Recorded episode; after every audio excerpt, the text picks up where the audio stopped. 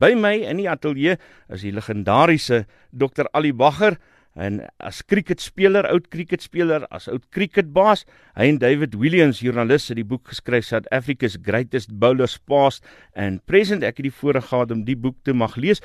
Good morning Dr. Bagger. My pleasure to be with you.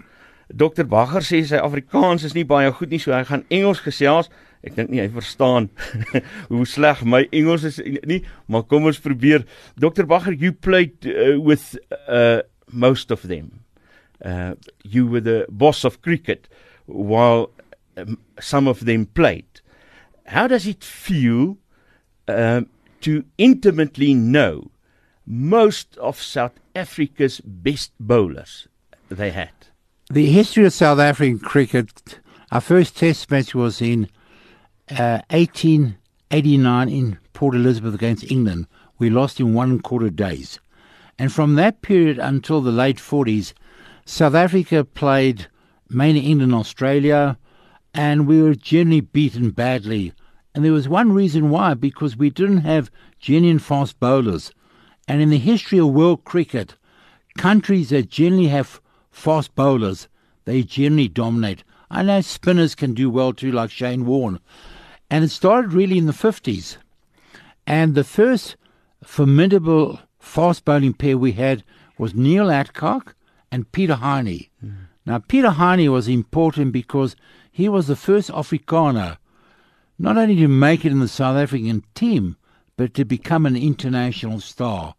And I played with Peter Heine and he had guts and determination. And I want to tell your listeners about a particular game that I played with him. He was 36.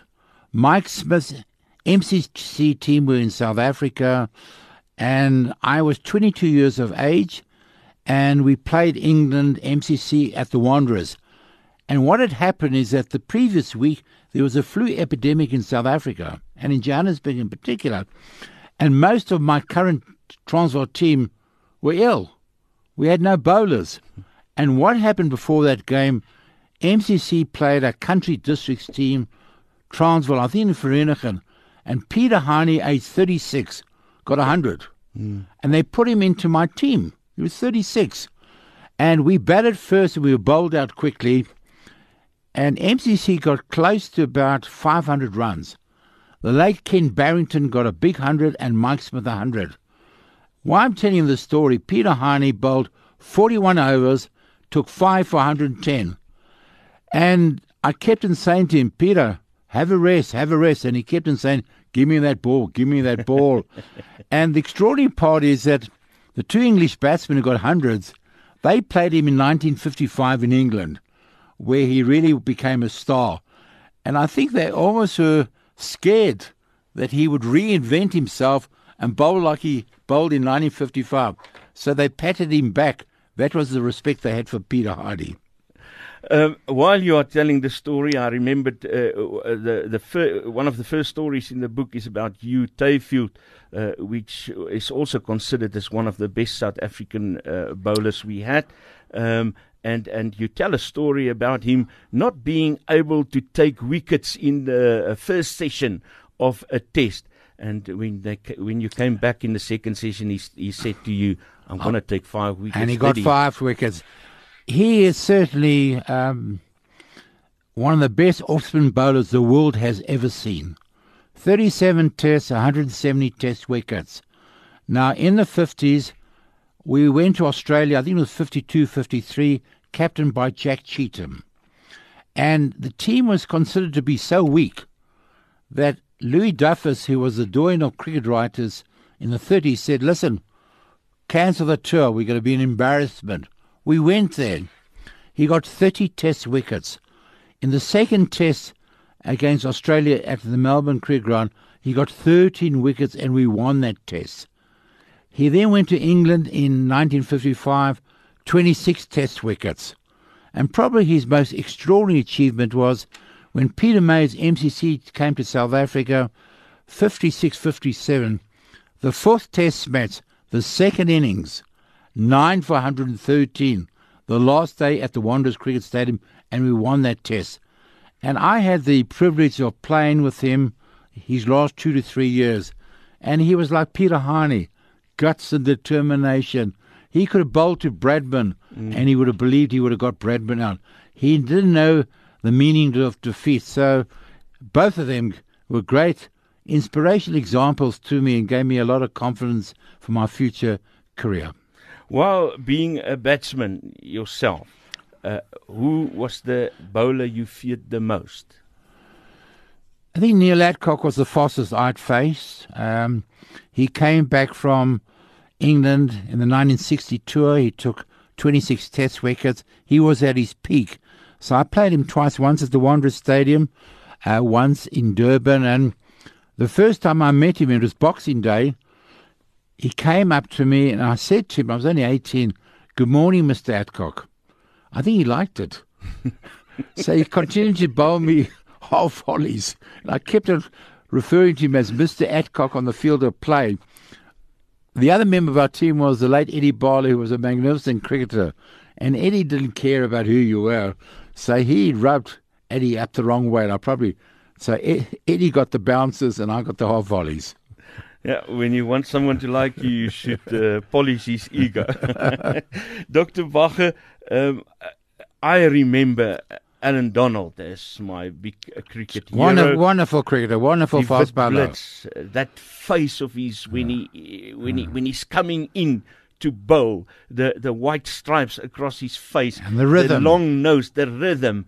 Uh, Beautiful uh, fast bowler. And and Michael Atherton uh, uh, says about him uh, the physical and mental combined to produce a near perfect fast bowler who took 602 wickets in internationals at a combined average yeah. of 22. Tell me about Allan Donald, oh, my he, big hero, please. He he was a brilliant fast bowler. I think I had a little part in his success. Uh, in the late 80s, I was able to send him to Warwickshire to play county cricket there. The reason being their cricket manager was David Brown, who played for England, and I knew him pretty well.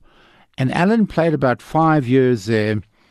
And today, they say in Warwickshire, he probably was their best ever fast bowler. He gave it 100% on every occasion. And when we returned back into world cricket, I mean, everybody was excited. But I think it meant more to Allan than anybody else because the late Hansie Cronje Jonty Rhodes, their careers were just starting. Allan believed he'd missed out. And, and that is why I think that when he was given the opportunity to bowl for South Africa, he gave more than 100%. And I remain a good friend of him, a great admirer of Allan Donald. He gave South African cricket uh, great success in the 90s. And I think many of us, like you, took so much pleasure and joy in watching him bowl. I will never forget that face in England when him and Lance Klusener um, gave that game away. Can oh, you, can you remember? I that, was there. I was there. Face. I was there. I mean, I don't want to go through that that experience again. I mean, we had to get uh, 220 whatever, whatever, and I was nervous. You know, the lunches generally at these test grounds they go on for an hour, an hour and a half. As soon as we went into bat, I excused myself, I sat down, and I never said a word. I just focused and focused. We started off well, and then all of a sudden we lost wickets, and I got nervous, but I never said a word. And that last over, four balls to go, and then we tied. And Lance Klusener, the man of the series, Steve Waugh brings everybody up to to save one run. All we needed was one run. The third last ball, a near run out. The fourth last ball, Allan Donald's run out. And we tied the match, but they got through into the final. And you know, I've been into change rooms when we've lost test uh. matches. I, if we won, I'd keep away from it. I went in that change room I was with a sponsor from Standard Bank. After five minutes, I said, "Let's get out of here." it was I like still... it was like going to a funeral. I mean, and poor Allan. I mean, he tells me thereafter that for weeks and weeks he couldn't sleep. He had nightmares about that particular. I can't believe it. I still get shivers down my spine while you I are was telling there. this. I was there. Uh, Dr. Bacher, like Afrikaner bowlers came through in uh, a, a game that was dominated by uh, English players, we uh, also have black players coming through now. It started with uh, Paul Gogga Adams and Makhaya. Ntini. Um, and now Kagiso Rabada, Rabada. the, the likes of Kagiso Rabada. Um, Dale Is that- Steyn, who I've interviewed, and I have huge respect for him. In that interview, I asked him about Kagiso Rabada, and he said to me he'll be South Africa's best ever fast bowler. Dale Steyn said that. He has 24, he's only 24 years old, 195 test wickets. So I think Dale Steyn's got to be correct. The, the cricketer uh, that should inspire every young cricketer who comes from a disadvantaged background is Makhaya Ntini. About a year ago, I went to interview him for a television program, and I went to where he grew up. It's a little village uh, near King Williamstown. And I can tell you it is as primitive then as it was when he grew up. I mean, it's unbelievable what I saw that he came through that environment to become a world class cricketer. And the story goes, and it's a true story, that we had a very good coach called Raymond Booi in the border area, and he used to go to these black areas to look for talent, cricket talent. Mm. And he tells a story that Makhaya came there age 14, no shoes, no tackies, poor environment. yeah. He bowled two balls, and Raymond Booi f- phoned Greg Hayes, who was in charge of cricket development, and said, I have found gold Sure. after two balls.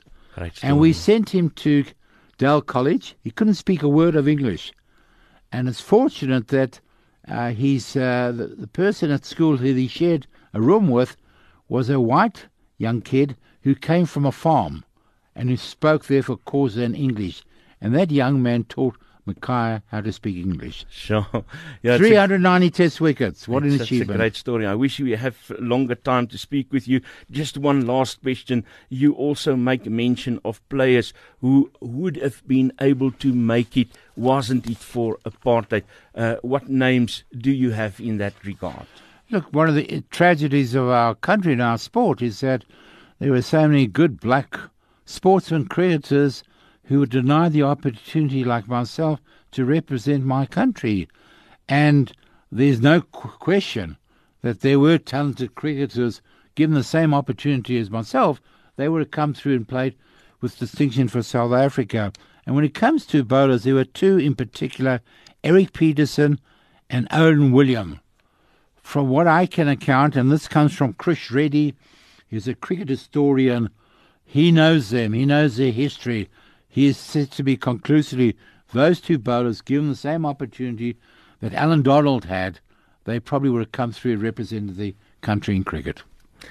Dis die stem van Dr Ali Bacher, voormalige cricketbaas en medeskrywer van die boek South Africa's Greatest Bowlers.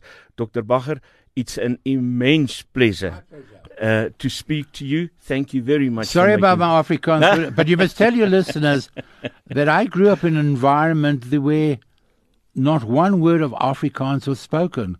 It was all English. So please forgive me. You are forgiven. Thank you for coming in, sir.